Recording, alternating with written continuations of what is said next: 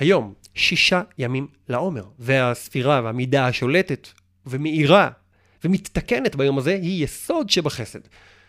זה צעד שישי מתוך המסע שלנו. חסד זה השבוע שבו אנחנו עוסקים, זה המידה הכללית. יסוד נותן את הצבע שלו במידה הזאת.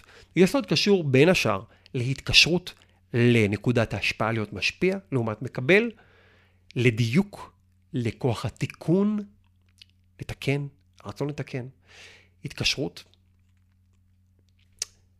ולכן, המהות הכללית של יסוד שבחסד, אחד הביטויים שלה, זה לאהוב ולעשות חסד כמשפיע, ולא כמקבל.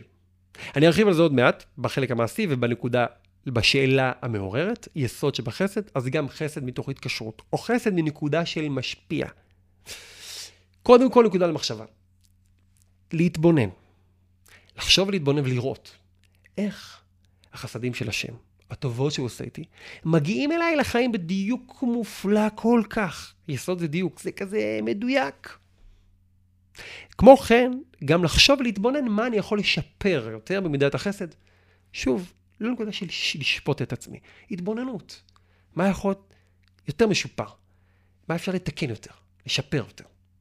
ברמת ההרגשה, להתקשר עם השם מתוך חסדים שהוא עושה איתי. הרי כשאני עושה משהו עם מישהו, זה יוצר גם קשר. מחוץ לנתינה, נתינה יוצרת קשר, קבלה יוצרת קשר. אז איך ההכרה במה שהשם עושה איתי, החסדים, יוצר לי התקשרות, תלות בהשם, במקום להיות תלוי באחרים.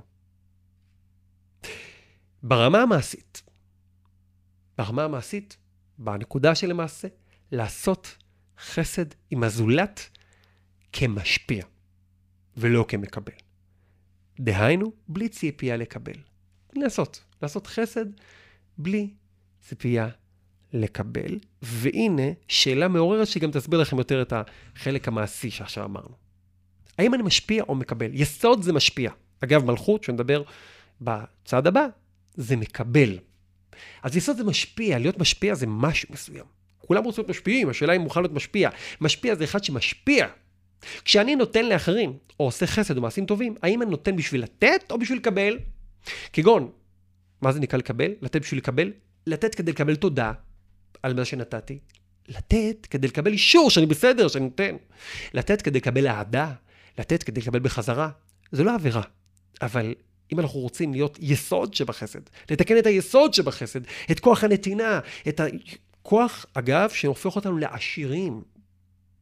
מי זה עשיר? שמשפיע. עשיר זה מי ששמח בחלקו. זה גם חלק מהביטויים של חסד, של יסוד. יסוד זה כוח האסיפה, היכולת לחוות את היותי בעלים של שפע. דהיינו, יש בי מה לתת. איזה הוא עשיר, השמח בחלקו.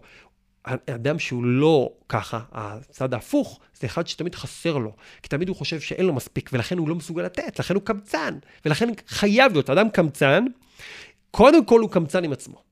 הוא חי חוויית חסר.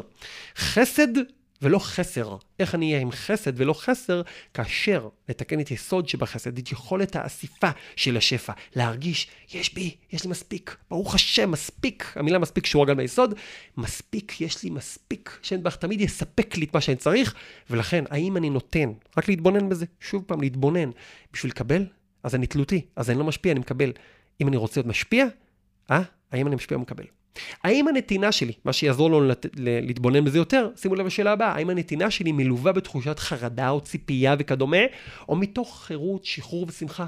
אם אני מצפה לקבל, אני תמיד אתן מתוך חרדה, מתוך פחד, מתוך ציפייה. האם כאשר אני לא מקבל משוב חיובי או הכרה מהסביבה על מעשיי הטובים, האם אני חש אכזבה או מרמור או עצבות, או חוסר מוטיבציה לעשות עוד פעם חסד? אלו המשאלות המעוררות שגם יכוונו אתכם יותר לחלק המעשי של יסוד שבחסד ועד כאן ליום הזה.